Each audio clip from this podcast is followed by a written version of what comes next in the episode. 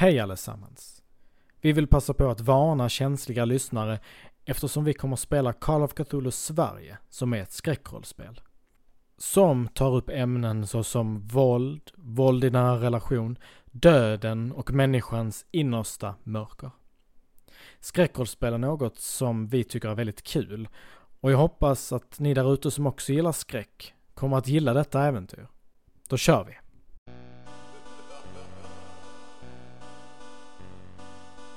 Jag tror att den största nåd som finns i världen är människans oförmåga att sammanfoga och förstå hela dess innehåll. Vi lever på en fridfull ö av okunskap mitt i ett svart, oändligt hav. Och det var aldrig meningen att vi skulle färdas långt. De olika vetenskaperna, där var och en strävar åt sitt håll, har hittills inte skadat oss mycket. Men en dag kommer hopfogandet av olika kunskapsområden att öppna upp så fruktansvärda områden av verkligheten och en insikt om vår egen plats där i. Att vi antingen kommer bli galna från uppenbarelsen eller fly från det dödliga ljuset till friden och tryggheten i en ny mörk tidsålder. H.P. Lovecraft, Cthulhu vaknar. Alright guys, vi ska spela lite Call of Cthulhu Sverige, äntligen. Det här har jag längtat efter och vi har med oss lite nya spelare idag och några gamla. Vi har med Sara och Jimmy, vi har även med två nya röster idag, nämligen Micke och Gabby och det ska bli jätteroligt. Eh, Call of Cthulhu är ett skräckrollspel utgivet av Elioso förlag, kom ut ganska nyligen. Eh, ett fantastiskt hantverk de har gjort. Och eftersom det är mitt favoritrollspel så är jag väldigt glad att det äntligen kom på svenska. Och vi kommer att spela i eh, de, vår hemstad, vi som spelar in podd tillsammans, i alla fall några stycken av oss. Och det kommer nämligen utspelas i Helsingborg i Skåne. Och året är 1920, 26, året i sig är inte superviktigt. Det viktiga är att det är 20-tal och det är efter kriget. I Helsingborg, Helsingborgs historia sträcker sig tillbaka till vikingatiden. Och det har varit en viktig plats där Öresund är som smalast och det har givit staden en strategisk position under lång tid. Och på medeltiden var eh, staden och dess slott ett av Nordens mäktigaste fästen och därmed inblandat i mycket av den tidens maktspel och under århundraden har Helsingborg varit en plats för flera politiska konflikter och strider. De många krigen mellan Sverige och Danmark gick hårt åt staden och dess bebyggelse. Men sedan 1700-talet har staden levt i fred och på 1800-talet lyckades Helsingborg återhämta sig ordentligt och blev då en av Sveriges snabbast växande städer och en viktig hamn och industristad. Just nu så är alla era karaktärer hemma och sover. Men ni ska få börja med att berätta lite kort om era karaktärer. Sara, skulle du vilja börja? Jag heter Rut Andersdotter. Jag är 31 år gammal, är sjuksköterska och samtidigt håller på att ta min doktorand inom då läkekonst. Härligt. Jimmy? Vincent Mervilter är en uh, private eye uh, som jobbade som polis innan, men valde att inte fortsätta. Uh, tar jobben från de som betalar bäst och har ett kanske lite sketchy bakgrund eller sketchy uppväxt kanske man ska säga. Och Micke? Eh, jo, eh, mitt namn är Stefan Berg. Jag är 30 år gammal. Jag, man kan väl säga, jag jobbar som gangster. Lite mer så här åt eh, det lite förfinade lönnmördarhållet. Så här bär, bär kostym och så här väldigt eh, tillbakadragen man. Bortsett från Rut, som jag anser mig själv beskydda. Just det. Och eh, Gabi, vem spelar du? Jag spelar Margot Rydén och är 27 år. Utbildad psykolog för att jag vill förstå mig på min trasiga familj eh, Eh, är väldigt ambitiös av mig från början men har hamnat fel när jag blev förälskad i en man som var väldigt elak mot mig och eh, var både verbalt och mentalt eh, hård mot mig som gjorde mig eh, väldigt instabil. Och jag började ett liv som kriminell. Men efter den relationen tog slut så har jag nu försökt hitta tillbaka i min identitetskris mot psykologin. Frågan är bara vad jag ska använda den för. Spännande och det kommer vi få höra längre fram. Och som jag sa tidigare, era karaktärer eh, är ju hemma och det är natt och ni har lagt er för att sova. Till att börja med ska jag läsa en liten introduktionstext för oss för att sätta det lite i stämning. Har vi inte alla någon gång varit mörkrädda? Ni vet, den där känslan som fyller kroppen med rädsla och oro. Ni har ofta en känsla av att vara iakttagna. Och i den stunden har ni varit övertygade om att ni sett något i ögonvrån. Ni kan inte skaka känslan och den har följt er hela livet. Det är dags att utforska mörkret. Mörkret ger aldrig något, mörkret bara tar. Ni har lagt er och eh, ni är tröttade av att en hård vecka, hårt jobb, ni har stött på dumma människor som har ifrågasatt er. Kanske varit i konflikt med någon i familjen, kanske bråkat med någon ni tycker om. Men värmen av sängen känns trygg och ni sakta glider in i sömn. Men drömmarna knackar på dörren. Vågorna slår mot ett skepp och du hör dig ropa. Kom igen! Sänk seglet innan hela masten ger vika! Orden är på ett språk du inte förstår. Men ändå så är du övertygad om att det är just det du hör dig själv ropa. Blixtar och vågor, stora som berg, slår mot båten och plötsligt är du under vattenytan. Du kämpar dig upp, men dras bara längre och längre ner. Och för en sekund är allt stilla. Och du ser dig omkring. En skepnad uppenbarar sig framför dig. En valliknande varelse glider förbi lika tålmodigt som döden själv. Några sekunder senare är du, är du och din besättning på land. Ett land du aldrig sett förut. Du har svårt att avgöra hur lång tid som har gått. En monolit reser sig upp ur marken. Doften av aska fyller dina näsborrar. Monoliten kallar. Du vet att du måste röra vid den.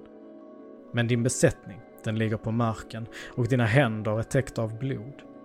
I ena handen har du kniven och i den andra någonting som känns rätt. Sedan vaknar ni med ett ryck allihopa. Vi kommer börja med Rut. Hur eh, ser din, eh, ditt hem ut Rut? Um, det är en eh, ganska liten lägenhet i, förlåt, bor jag då i Malmö eller? För jag är uppväxt i Malmö. Eller ska jag bo i Helsingborg? Du bor i Helsingborg? Ja men då så. Uh, det är en liten lägenhet i Helsingborg. Uh, en ett och en halva med köksvrå. gula tapeter, heltäckningsmatta, en liten säng där är lite växter som står, det enda hon kan hålla liv i det är ju kaktusar. För hon är nästan aldrig hemma. Um, hon har faktiskt lyckats spara ihop till en, eh, en ganska fin radio som hon brukar lyssna på nyheterna på morgonen. Så det, det är inte så mycket men hon är, hon är nöjd med vad hon har. För hennes egna pengar. Och Rut är ju en ung kvinna, en väldigt vacker kvinna. Mm. I sina bästa år och eh, när du tittar på din klocka som hänger ovanför eh, köksvrån så ser du att eh, shit, du är ju sen till ditt pass på sjukhuset. Åh oh, nej. Och då är extra knäckt lik eh, mellan dina studier och forskning. För att pengar måste ju in. Mm. Och eh, du mer eller mindre springer ut i, i köket och du vet sådär som på film hoppar på ett ben när du tar på dig strumpan och eh, tar på dig kläderna och eh, i en ilande fart drar iväg till sjukhuset då. Och det är ju då eh, gryning vid den här tiden. Och eh, när du väl anländer till sjukhuset så eh, går du in på eh, akutavdelningen som du har pass på ikväll. Eller nu på morgonen. Och det brukar vara väldigt lugnt så här tidigt. Liksom nattens spektakel brukar vara avklarade. av någon anledning så får du en dålig känsla i magen. Där är på tok för mycket folk. Där är på tok för rörigt än vad det brukar vara vid den här tiden. Och det kommer ut en av dina kollegor. Rut, vad bra att du kom! Det, det är totalt kaos här! Vad vad har hänt? Alltså, vi har fått in jättemycket patienter och det, det är jättekonstigt. Alltså, du måste nästan följa med. Du kommer inte tro dina ögon. Eh, Okej, abs- absolut. Hon tar tag i din arm och drar dig med sig. Och ni kommer in till en av patienterna så hon eh, drar för skynket. Eh, och, eh, så att ni kan gå in och sen stänger hon skynket igen. Och du ser att eh, på britsen så ligger där en eh, kvinna. Hon är inte vid liv. Och du ser att från där hjärtat sitter så kan du se att ådrorna är helt svarta. Från hjärtat ut på armarna och ner på benen. Och du drar direkt slutsatsen till att någonting har hänt och börjat inifrån och rört sig utåt. Det du ser är att händerna har också liksom börjat nästan ruttna, likaså fötterna. Och det du vet att det här händer inte så snabbt. Ja, du, du ser själv, det, det, det är ju något, måste vara något nytt, jättekonstig sjukdom. Alltså, vi är i full beredskap här på sjukhuset. Vi, vi vet inte riktigt vad vi ska göra. Ehm, nej, jag har, jag har aldrig sett kallbrand ske så fort. V- var är vi? Vad har, vad har ni kommit fram till? Har ni tagit tester på patienterna? Vi har tagit tester men de visar negativt på allt. Alltså vi har försökt ta på verkligen allt från blodsmitta till liksom kallbrand. Ja du vet. Du, Ja. Eh, ja, eh, har vi öppnat upp dem som har avlidit? ja, en av dem är eh, nere i källaren. De håller på nu. Okej. Så om, om du vill, du kan gå ner där och kolla. Vi skulle behöva din hjälp. Ja, absolut. Jag följer med. Jag kommer direkt. Och eh, när du kommer in så ser du att där är en patient på, på en britt som är eh, uppskuren och uppfläkt. Och eh, när du kommer in så vänder sig kollegan om. En man i 55-årsåldern ungefär. Jaha, Rut, ja, ja, bra att du har kommit. Alltså Ja, det ja. här, det här har varit en lång natt ska jag säga. Och ja, jag fattar att, skulle du vilja ta en liten titt här kanske? Absolut. Eh, ta på mig handskar och lite så. Jajamän. Och du går fram till eh, kroppen och du eh, skulle kunna få slå ett medicinslag för att se vad du får fram av detta. Success. Jajamän. Du eh, tittar på kroppen och du ser att ja men det verkar som att det har börjat från bröstkorgen och rört sig, rört sig utåt. Du ser också att organen i bröstkorgen, hjärta, lungor och allt som är närliggande strupe har liksom ruttnat i en fruktansvärd fart. Och du har inte sett något liknande innan. Du skulle kunna tänka dig att liksom det har uppstått i halsen. Någonting har tagit sig in i halsen. Det verkar som det är därifrån det börjar i alla fall. Okej. Eh, Rut, vad tror du? Ehm, det jag tänker är att det ser ut som att förruttnelsen har börjat uppe omkring strupen. Så jag tror, har ni tagit bakterieprov eh, från halsen ännu? Ja, det har vi gjort. Vi har det här i burken. Mm. Men, alltså, jag vet inte hur jag ska säga det, men ja, jag får nästan visa. Han går fram till skåpet och plockar ut den lilla burken och lyfter upp den mot en lampa. Och du ser då att där är en liten, liten svart sörja i botten. Och när du tar burken och tittar på den så ser du hur den lilla sörjan börjar röra sig upp för glaset. Det är precis som att den klättrar med små spindellika steg. Och när den når locket så ser du den försöker trycka sig allt den kan mot locket. Jag, eh, jag blir lite förskräckt och ger tillbaka den till honom. Vad- är det här? Ja, Jag önskade att du skulle veta det. Alltså jag tänker någon form av parasit. Men sådana djur finns ju inte i Norden. Det, det är ju något mycket mer exotiskt skulle jag säga. Ja, jag har aldrig sett något liknande. Jag vet inte om jag kan ha läst någonting om någonting som påminner om det. Nej, du har inte sett någonting som är likt det. Aldrig någonsin.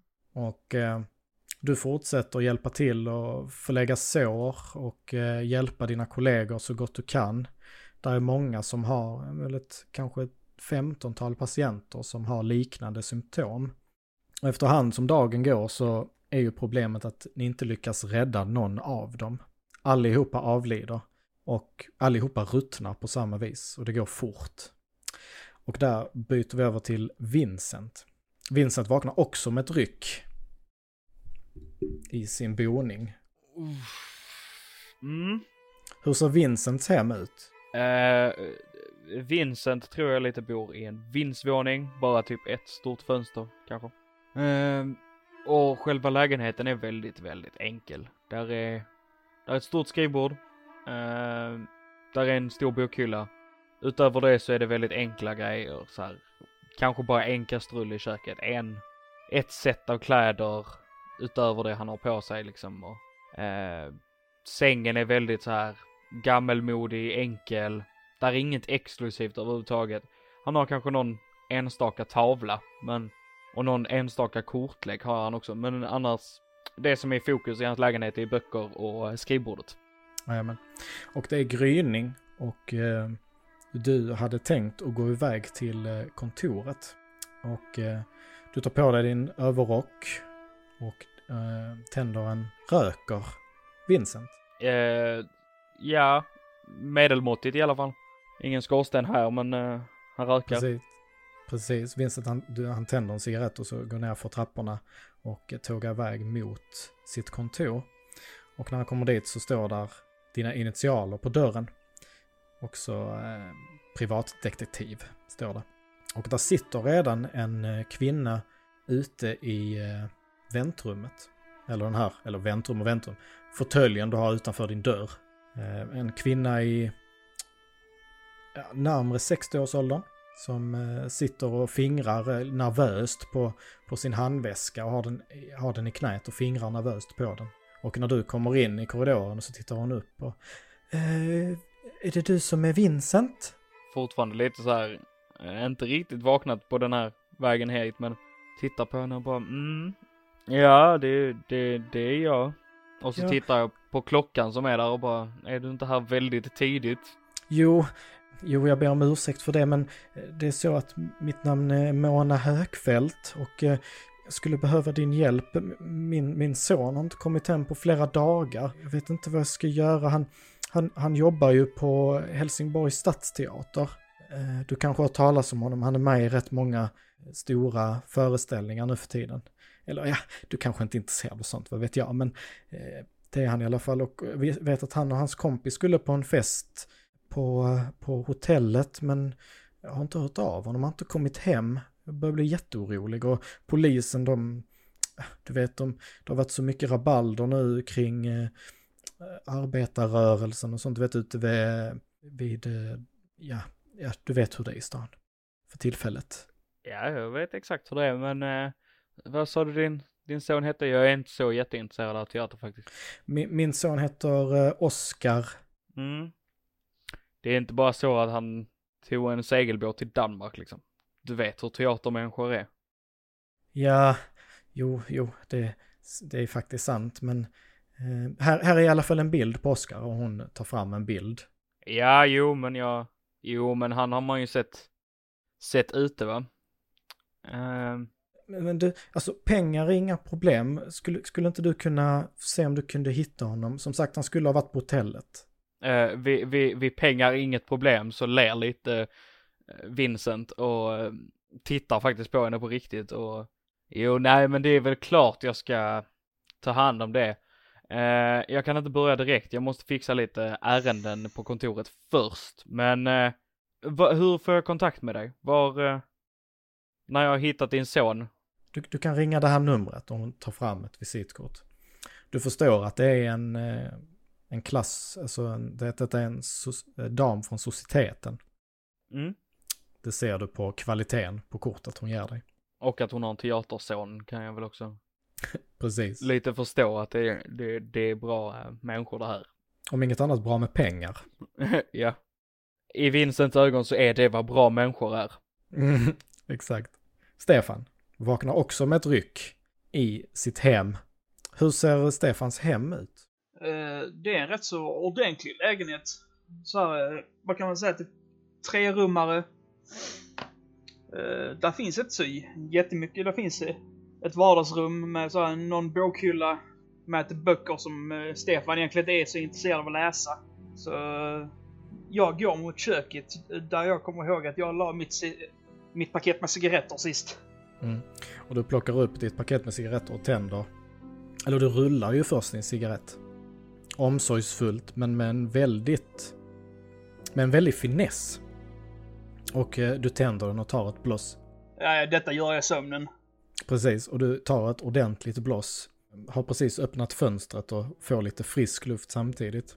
När du hör plötsligt nere från eh, sidogatan att det är en jädra tumult.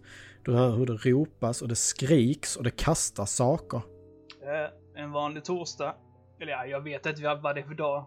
Jo, det är en helt vanlig torsdag och men när du tittar ner så ser du att det, du känner igen det för det är ju fabriksarbetare. Det kan du se på kläderna de har på sig och de har stora plakat eh, där det står eh, liksom ge oss bättre arbetstider, ner med etablissemanget, ja du vet, det klassiska. Mm.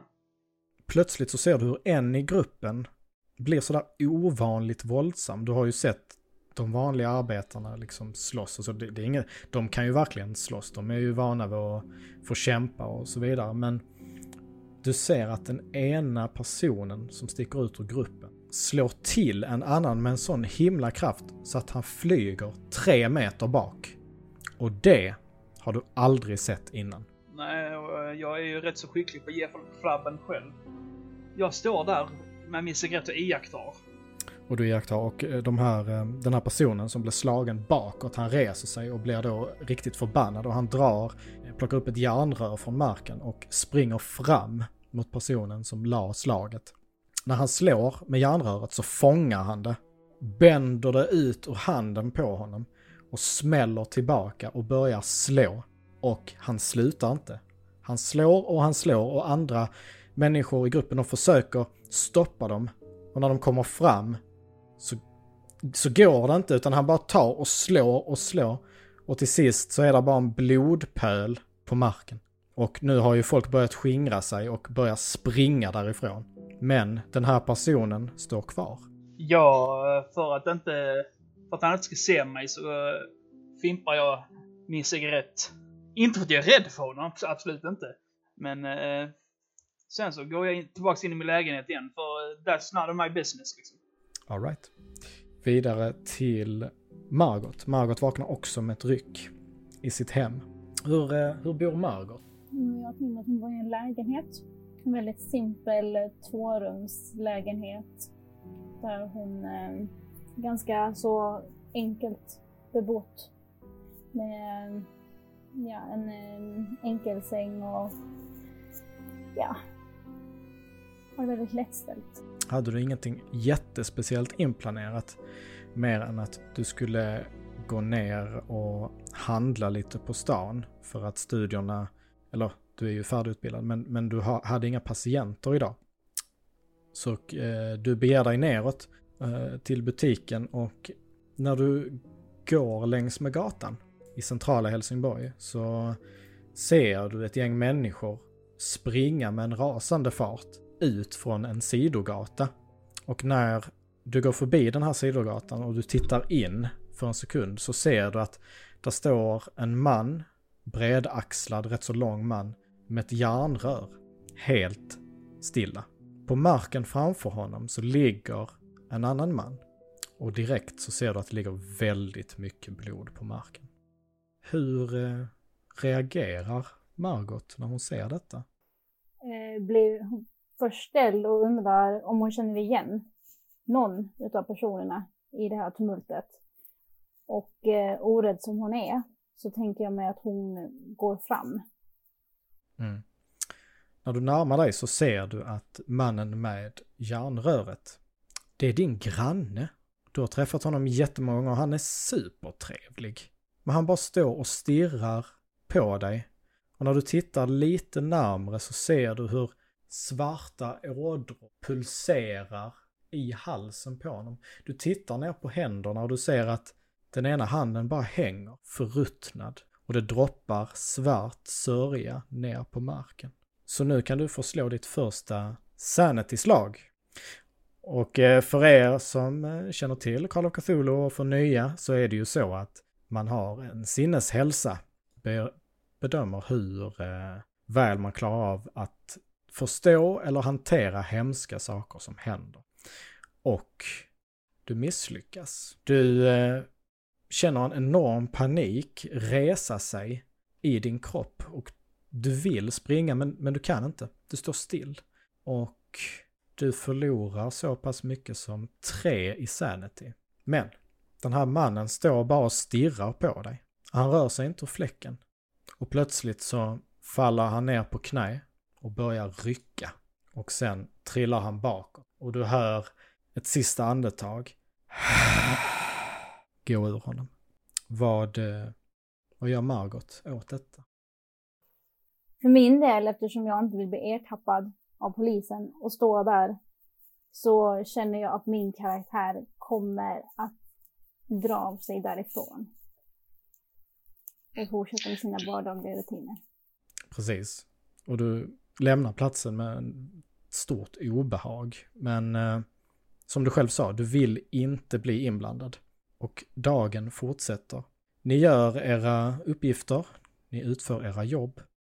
Och ni känner ju varandra redan sedan innan och ni har ju bestämt att ni skulle gå ut och ta eh, några glas öl på den lokala puben. Den lokala puben Charles Dickens. Och eh, jag tror det är så att, eh, att Vincent är den som har anlänt först på plats. Bor inte han där? Typ så. Lite så. jag, jag, jag går fram till baren och innan jag ens har kommit fram så har de redan börjat hälla upp min favoritdryck liksom. Ja men tjena Vincent, ja ja det är klart och så du vet de häller upp direkt och sträcker över. Du, första bjuder vi på idag grabben. Tjena, tjena. Tack. Kan det vara att Vincent bor typ ovanför Dickens? kan vara Kanske. så. kanske. Kan vara så. I, oavsett vad så är, vi, är, är Dickens typ eh, hans andra hem. Så det... oh. Och eh, Men kvällen efter... är ung så han dricker ju faktiskt drink, inte bara ren sprit. Men, eh. Ja men precis. Och eh, strax därefter så trillar både Stefan, Margot och Rut in. Och ni, när ni kommer fram till baren, det, det är inte samma grej. De, de, de känner inte igen er på samma vis. Ni är där inte lika ofta. Ja, det skulle vara Stefan i så fall. I så fall. Så när Stefan kommer fram, ah, men Steffe, tjena! Hur är läget idag? Det är bra. En öl tack. Ah, lika fåordig som vanligt. Absolut. Ska det vara det, det gamla vanliga eller? Absolut. Ja, det fixar vi Steffe. Härligt! Och han häller, häller upp en öl till dig. Ge Rut och Margot det de vill ha. Ja, det ska vi fixa. Riktig gentleman, absolut. och, eh, absolut. så eh, mina damer, vad, vad önskas dig denna kväll? Eh, Pinot Noir tack. Pinnan... Eh, rött vin. Åh, oh, ah, rött vin, okej. Okay. Och du ser att det är inte en Pinot Noir han öppnar. Och eh, häller upp det i ett glas och räcker fram till dig. Tack så mycket. Hon håller tillbaka lite grann. Det, det är inte uh, ordentligt av henne att säga emot. så hon tackar och tack så mycket Stefan. Inga problem. Och du då unga dam? Tittar på Margot. Jag tar en Cosmopolitan. Ah, classy, jag gillar det. Och han eh, blandar till den och eh, sträcker över glaset till dig. Tack så mycket. Och när ni vänder er om så ser ni eh, Vincent har redan satt sig i ett bås och sitter och liksom gör en liten nick mot er när han ser er. Uh, jag drar fram varsin stol till uh, Rut och Margot. In innan jag själv sätter mig. Rut tar, äh, rätar ut kjolen innan hon sätter sig ner. Och äh, rodnar lite. Tack. Och ni sätter er ner. På bordet finns det också en eh, nyhetstidning som Vincent har lånat under tiden ni, under tiden han väntade på er. Och ni ser ju att eh, rubriken, det, det, har skrivits om eh, upplopp i fabrikerna. Det har skrivits någon liten kort notis om vad som hänt på sjukhuset. Eh, det verkar inte som att det finns någonting skrivet om den här mannen i, eh, som Margot stötte på. Får jag, kan jag, är det någonting skrivet om, uh, har redan glömt hans namn, Os Oskar. Oscar. Det gör det. Det står att eh, polisen eh, inte har... Alltså det är någon form av artikel om polisen, att de är underbemannade på grund av de här upploppen eh, vid fabrikerna. Så de har inte haft tid och så finns det en intervju då med mamman Mona. Där hon beklagar sig. Och, eh, men det står ingenting om dig, att hon har anlitat dig. Så det verkar vara eh, off the record så att säga. On the hush hush. Just the way I like it. Och ni sitter där vid bordet och... Eh, och den här drömmen ni alla vaknade i, den, har, den hänger kvar på något vis. Den, ni har inte kunnat släppa den på hela dagen. Dels så har det ju hänt allmänt konstiga saker för att vara en torsdag. Men också den här drömmen, den är... Och ni brukar ju, i er grupp så brukar ni sitta och prata lite om liksom när det händer allmänt jobbiga saker. Även om det inte är på en djup nivå. För den relationen kanske ni inte alla har. Men ändå att ni får någon form av tröst i varandras sällskap. Ni är en, en grupp ganska udda fåglar. Eh, jag tror att Vincent, eh, när alla har satt sig ner och börjat typ dricka på sina drickor så säger han, slår han ihop tidningen och så säger han, alltså fy fan, hur har ni haft idag? För min dag har fan inte varit bra. Det är som vanligt. Ja, det är ju torsdag i den här jävla stan så. En helt vanlig torsdag. Mm. Och bättre blir det fan inte. Eh, alltså, Stefan, jag vet att du och jag pratar om konstiga grejer emellanåt, men alltså jag tror fan jag drack något jävligt konstigt igår. Var vi ute igår? Inte vad jag kommer ihåg. Alltså för jag har drömt så konstiga drömmar i natt. Alltså det är sinnessjukt säger jag. Du har inte eh, tagit något annat än alkohol. Alltså med tanke på verkligheten av de drömmarna så skulle det inte förvåna mig. Och så börjar jag liksom berätta drömmen som jag hade. Det är därför man rullar sina egna cigaretter, Vincent. Ja, ja, ja. Säger han och så tar han upp sitt ciggpack och tänder en cigg. Men du börjar berätta om drömmen. Ja, jag bara, men alltså. Jag, väldigt så, så här vagt, inte, kon, inte i detalj utan bara så här börjar smått berätta liksom. Och bara, vad fan är det för droger som påverkar sådana drömmar liksom? När ni andra hör detta, inklusive Stefan, så faller obehag över er. Han beskriver exakt samma sak som ni andra har drömt. Så eh, en god nyhet här är att det nog inte är några droger för att det... Jag vet inte, jag, jag förstår mig inte riktigt på vad som händer just nu men du beskriver exakt vad jag drömde om i natt. Mm. Eh, Jag tittar omkring mig. Så här, sen så lutar jag mig in. Alltså, Jag drömde samma sak. Margot, du är ju ändå psykolog. Har du någon tanke om vad det handlar om? Det måste, det måste ju vara ett väldigt udda sammanträffande. Jag säger, jag drömde också samma som er. Det är lite konstigt att vi alla har exakt samma dröm, samma natt. Ja, det är ingenting som jag stöter på vardagligen direkt. Jag skulle tänka att det är någonting som samför oss eller att det är någonting som handlar om oss som individer som vi behöver försöka lista ut. Menar du något religiöst? Nej, jag syftar inte på att det behöver vara religiöst, men jag tänker väl mer att det finns någonting, antingen som vi som individer som har oarbetat i vårt förflutna, eller så har det väl med vad vi kanske kommer stöta på i framtiden. Och att på något sätt försöka vara undermedvetna att förvarna oss.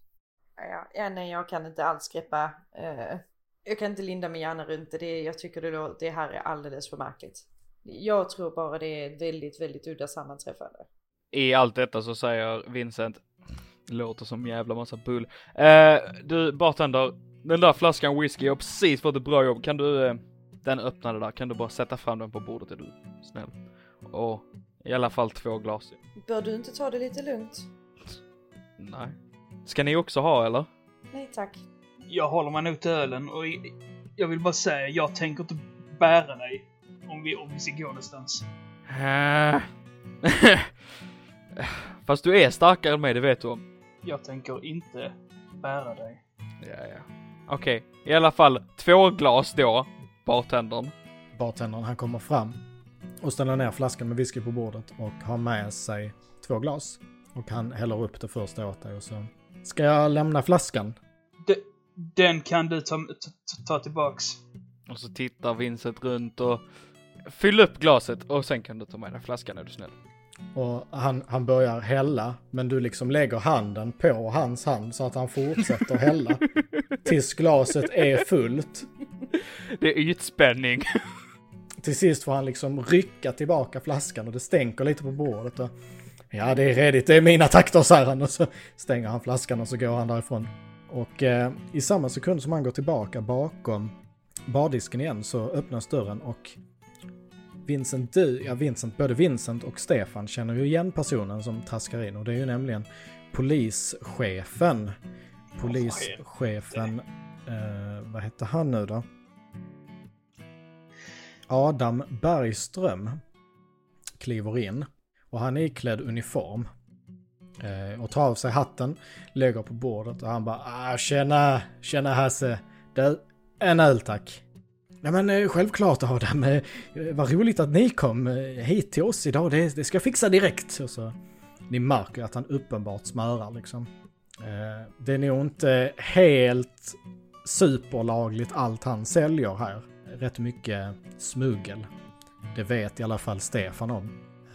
Att de säljer rätt mycket smuggelsprit här inne. Och han häller upp en öl till Adam. Och räcker över den och han, han dricker nästan halva direkt. Och så sätter han sig och knäpper upp eh, skjortans översta knapp. Och eh, tar av sig sin kavaj då. Och hänger på stolen och så... Och så ni kan höra hur han säger åh det har varit sån jävla dag alltså.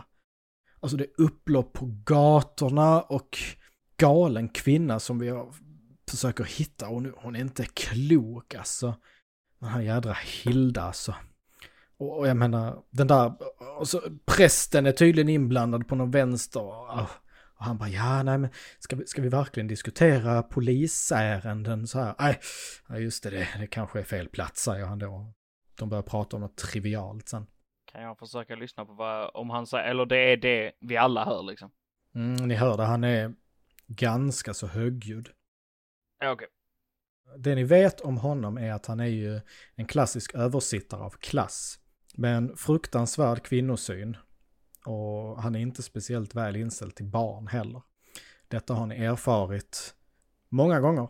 När ni har sett honom på krogen framförallt. Hur han gör olämpliga närmanden mot framförallt kvinnor då. Eh, jag eh, dricker två klunkar till av whiskyn och sen eh, säger jag till Stefan, du eh, kan du, kan du backa mig? Jag måste kolla lite mer om det här. Eh, och sen går jag faktiskt fram och vill börja prata med, Med Adam. precis. Jajamän. Du går fram och eh, du kanske sätter dig bredvid honom. Nej, jag går nog snarare fram och lägger handen och bara Tjena! Chefen, det var länge sedan. Hur, eh, hur har du det? Det var ett tag sedan jag såg dig ändå. Han puttar handen av sin axel. Och så tittar han på det. Vincent. Alltså, så det är vad katterna har dragit in. Du är i mina hemtrakter så jag menar. Men du, eh, jag, jag hörde du snacka lite. Eh, eh, ingen annan på eh, akademin eller eh, kontoret har sagt något. Behöver du hjälp så vet du ju att du, eh, du kan ju alltid ringa mig. Hjälp av dig. Nej du, det här är riktigt polisiärt arbete. Du har ju faktiskt lämnat in både vapen och bricka. Ja, jo, jo, men det är ju av andra anledningar och det vet både du och jag. Men jag tänker, eh, men om jag, om jag, om vi säger så här, om jag bjuder dig på en öl, kanske du kan eh, berätta lite mer roligt? En öl. Eller vad vill du ha att dricka? En sån eh, privatdeckare som du har väl inte råd med mer. Men eh, absolut, jag kan ta en öl. Och i detta så blir eh, Vincent väldigt så här. okej, eh, vad vill du ha att dricka istället då? Ja, men en whisky vore väl inte fel? Nej, okej. Eh, eh, av samma flaska som du gav mig bartender kan du väl eh, hälla upp glas till polismästaren också? Absolut. Han häller upp en whisky till polismästaren. Så, har du lite lust att prata lite nu då kanske? Jag vill nog att du slår ett slag för detta och se hur väl du lyckas med denna... I fast talk kanske? Det beror på lite hur du vill spinna det. Om du vill försöka liksom snacka snabbt så att han blir ut, eh, lite så här uttråkad eller lite så trött på ditt tjötande. Så kan du absolut få göra det. Alltså jag ser mer fast talk som att få han in på rätt väg liksom. Han kanske börjar prata om barnen eller frugan och så bara ja men äh, jätteroligt men äh, den där den där flickan då? Hon du sa var borta, alltså hela tiden liksom med små grejer försöker leda in han. Mm. Men slå för det. Det låter rimligt. men Du lyckas och han, han blir liksom lite, han blir lite smickrad när du frågar om familjen och så. Det blir han. Och ja, nej, det har varit jättekonstigt. Du vet, det har ju det här barnhemmet som finns i stan. Mhm, mm jag är I'm well aware. Där jobbar ju, ja där jobbar ju en kvinna som heter Hilda, det känner du kanske till? Hilda Nilsson. Mm. Mm. Hon, Absolut. Alltså det var ju en incident där i kyrkan eh, med pastorn och ja, jag var ute och egentligen täckte för en av mina andra poliser. Vi, vi är ju lite ont nu som du, som du vet. Eh, så jag hörde det var ett jäkla rabalder där inne i kyrkan. Så jag, jag sprang ju in va. Och, och där eh, låg ju pastorn på golvet helt blodig i ansiktet och Hilda stod och skrek och viftade och när hon fick syn på mig så bara sprang hon ut. Och du vet, du vet den där dumma pastorn, han, han ska ju alltid lägga näsan i blöt med alla. Alltså han ska försöka hjälpa alla med sina problem och de ska hitta Jesus, ja du vet. Sånt dravel. Mm, ja, jo, tack. Han har uh, pratat med mig några gånger också. Uh, men uh, alltså sprang hon inte bara på grund av, alltså ryktet går ju att du inte är så snäll här. Jag vet ju att det inte är sant såklart. Du är ju alltid jättetrevlig och jättehärlig, men det har ju börjat gå ett rykte. Jag tror det kanske är den andra som försöker ta din tjänst eller någonting som har börjat sprida det. Eller några av kriminaliteterna som har börjat sprida det för försämra ditt rykte. Du vet det här med att du är lite taskig mot kvinnor och du tror inte det var därför hon sprang bara? Han blir lite nervös när du lyfter det där ämnet bara sådär casually. Och ja, nej, nej, nej, det är sant som du säger. Jag är ju en hederlig man av eh, eh svensk eh, polis, så att det är absolut, eh, det, det, det, är nog som du säger, det, det är nog buset som vill sätta, sätta rykten och så efter mig. Det, det låter ändå rimligt. Jag förstår inte varför hon skulle springa, men hon var ju väldigt illa däran. Alltså, hon är ju en sjuk kvinna. Alltså hon borde ju, hon borde ju spärras in. Och jag menar, hur ska hon kunna ta hand om barnen? Och du vet ju att han bryr sig inte ett skit om barn. Du känner liksom den, den äckliga smaken i munnen. Uh, jag harklar mig lite och bara nej, ja men så är det ju absolut. Hon borde ju definitivt sitta inne. Uh, du har ingen annan fakta om någonting överhuvudtaget som kanske kan så här, hjälpa mig överhuvudtaget? Nej, men du vet ju, du vet ju var barnhemmet ligger. Du, du vet ju också var Mariakyrkan ligger. Så att jag menar, skulle du vilja kolla, jag menar absolut, vi kan ju ha det lite uh, hysch-hysch om du vill. Uh, och så, fick också någon, du kanske kan hjälpa mig med en grej till faktiskt. Den här var en kvinna inne hos mig förr och Mona hette hon. Mm. Hon dravlar någonting om att hennes son var borta. Någon Oscar. Ha. Nej, det är nog ingenting jag har Nej. hört talas om. Inte alls faktiskt. Nej men nu, Oskar, vad hette han? Oskar Högfält, ja hon hette Mona Hö, Hög, Högfält, ja så var det. Men eh, jag har fått ett, ett nummer till henne, du, du kanske kan ringa henne. Du har ju ändå kanske mer tid eh, än vad jag har. Det kan, business går väl inte så bra nu för tiden. Försöker han skoja till det lite sådär också, men du märker att han pikar dig. Ja, nej, absolut inte. Eh, det är ju klart, jag eh, saknar ju polisen emellanåt. Och så tittar jag lite mot de andra bara, alltså, fuck detta. ja, nej, men jag får fortsätta min runda, säger han. Och han, ja, man får ju komma hem i tid så inte frugan börjar undra var man är någonstans. och han eh, dricker upp både whiskyn och ölen i två snabba svep. Tar på sig sin kavaj och går ut. Eh, jag går tillbaka till gruppen och berättar allt han, han berättar. Det de inte själva hörde liksom, för han är antagligen rätt högljudd väntar tills eh, polismästaren går ut. Ja, såklart. Det gör ju jag också. Ja, nu luktar det normalt här inne i alla fall. Det luktar gris. mm, bacon. Ja, ja vad sa eh, svinet? Någonting om att eh, Hilda, är det någon brud ni känner till eh, på barnhemmet? Hon har blivit helt bananas och springer så fort han ser men det är väl inte så jävla konstigt med hans jävla rekord. Eh, men eh, där är något sketchy i kyrkan som, som håller på. Och han har eh, fått lite hintar om eh, mitt uppdrag själv så. Och Margot, du eh, känner till namnet Hilda. Du vet att eh, pastorn, pastor Backman, han har haft kontakt med dig och sökt liksom lite råd och så. För han är ju själasörjare men du är ju psykolog och eh, herr Backman är ju faktiskt en, en rätt så reko präst. Han, han är inte konstig på något vis vad du har kunnat märka i alla fall och, och genuint bryr sig om folk och sin församling. Och du vet att han har försökt hjälpa Hilda att uh, bli kvitt sina demoner så att säga. Mm. Då berättar jag för gruppen att ja, men jag känner igen eh, namnet Hilda. Jag har, eh, jag vet inte så mycket om henne, men jag vet lite angående hennes problem via pastorn. Han går hos mig. Varför är jag förvånad? Att prästen går till dig alltså? Och Rut, du vet ju också att eh, detta stämmer ju för att du har ju plåstrat om pastorn en gång. Du fick göra ett eh, house call. Och de ville gärna att det skulle vara lite hysch-hysch. Och eh, pastorn hade förklarat för dig att eh, han ville helst inte att det skulle göras en grej av det för att hon förstår ju inte bättre. Hon är ju faktiskt sjuk och jag vill ju bara hjälpa henne. Hon har ju faktiskt gjort mycket för kyrkan och för barnen. Och, så du, du känner igen detta. Det stämmer överens. Men jag, jag säger ingenting. Det är ju konfidentiellt tänker jag. Men jag känner trots allt bara en person ordentligt i detta eh, umgänget. Så eh, jag, jag håller det lite för mig själv. Jag nickar bara och lyssnar. En fråga till Game Master. Jajamän. Hur gammal är Hilda? På ett ungefär? Runda slänga 30-årsåldern. Mellan 35 och 40. Ja, 35-40. Något sånt. Då är det ingen jag känner till om jag har eh, fått hjälp av barnhemmet och kyrkan heller. Nej, precis. Nej. Jag bara nickar och så glad ut till eh, polismästaren. Ja, men precis. Och eh, ni sitter och dricker era drinkar, ni snackar, ni spelar lite kort. För en sekund, när ni sitter där och dricker och har det trevligt, så kommer den här oroskänslan tillbaka.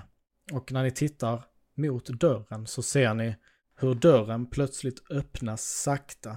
Och när ni tittar runt om i rummet så ser ni att det är bara ni på hela krogen. Och dörrarna glider upp sakta, sakta och en skepnad i lång rock och luva spöklikt svävar in i rummet och ni får en fruktansvärd huvudvärk. Du har lyssnat på Rollspelshörnan som spelar Call of Cthulhu Sverige. Som är utgivet av Veloso förlag och Chaosium. Följ oss gärna på Instagram och Facebook. Där hittar ni oss under Rollspelshornan respektive Rollspelshörnan. Ni kan även följa oss på Twitch där vi spelar lite spel tillsammans. En liten ny grej som vi håller på att testa. Tack för att ni har lyssnat.